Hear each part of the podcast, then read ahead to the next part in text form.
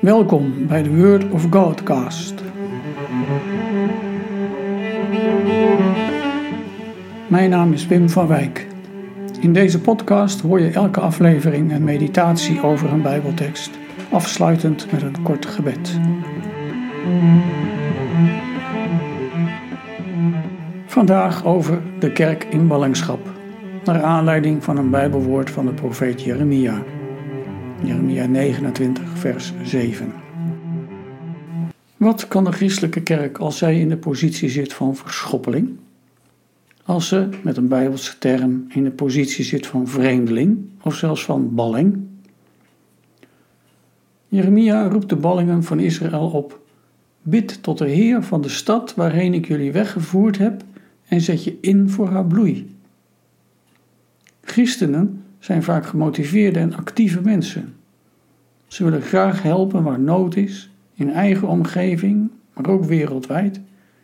Ze zetten zich graag in voor de bloei van de samenleving, enthousiast en bezield. Jeremia schrijft een brief vanuit Jeruzalem aan de ballingen in Babel.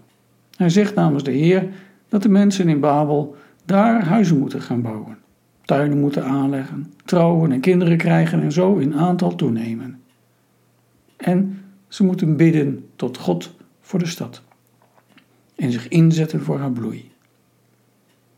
Maar waarom schrijft Jeremia dat zo? Omdat hij optimistisch is, omdat hij de mensen in Babel ziet als een soort anonieme gelovigen.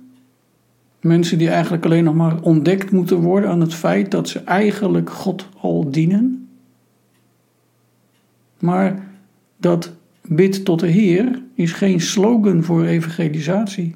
En zoek de vrede is geen actieplan voor gerechtigheid. Jeremia doet in zijn brief een oproep: Mensen, jullie moeten je buigen onder het oordeel van God. Dat de Joden in Babel zitten is geen speling van het lot. Een toevallig gevolg van het politieke machtsspel tussen Assyrië en Babel. Al heeft dat er historisch gezien natuurlijk mee te maken.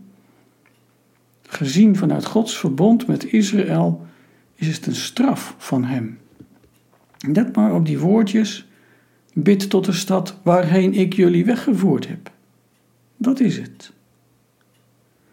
Maar er waren ballingen, die waren optimistisch. Ze verwachten dat het helemaal niet zo lang zou duren. Er waren profeten, Genania, Samaja en anderen, die zeiden dat het allemaal wel meevalt. En ze wekten valse hoop. Juist op dit punt. Het duurt nog een hele tijd. Het duurt wel 70 jaar. Daar moet je je op instellen. Ga je maar settelen in het land van je ballingschap. Als zaak van het geloof is het een kwestie van eerlijk zijn. Hebben we niet aan onszelf te danken, deze ballingschap? En moeten we dan ook maar niet buigen voor deze realiteit? Bidden tot God en je inzetten voor de bloei is eerder een overlevingsstrategie dan een manier om de wereld voor God te winnen. De rol van de christelijke kerk in onze, is in onze cultuur klein geworden. In de marge van de samenleving mag ze nog een plek hebben. De godsverduistering die over Europa gekomen is, moeten we onder ogen zien als harde, harde werkelijkheid. Allerlei uitingen van religiositeit zijn ook niet zomaar positieve tekens van terugkeer en omkeer naar de ware God. En dat alles is ook niet zomaar op te lossen met christelijk geïnspireerd optimisme. Het moet ons tot zelfinkeer brengen, tot bezinning die leidt tot bekering. We moeten ontdekt worden aan onze schuld. Heer, zie of wij ons op de weg van het leven bevinden. De kerk is een ballingschap. Ons thuisland is niet hier, maar ligt in de toekomst van Gods koninkrijk.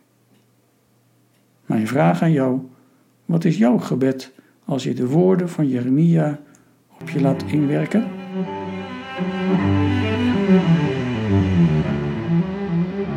We bidden.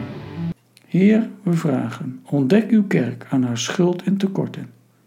En wij bidden voor het dorp, de stad en het land waar we wonen. En maak ons bereid om uw vrede te delen met anderen. In Jezus' naam. Amen.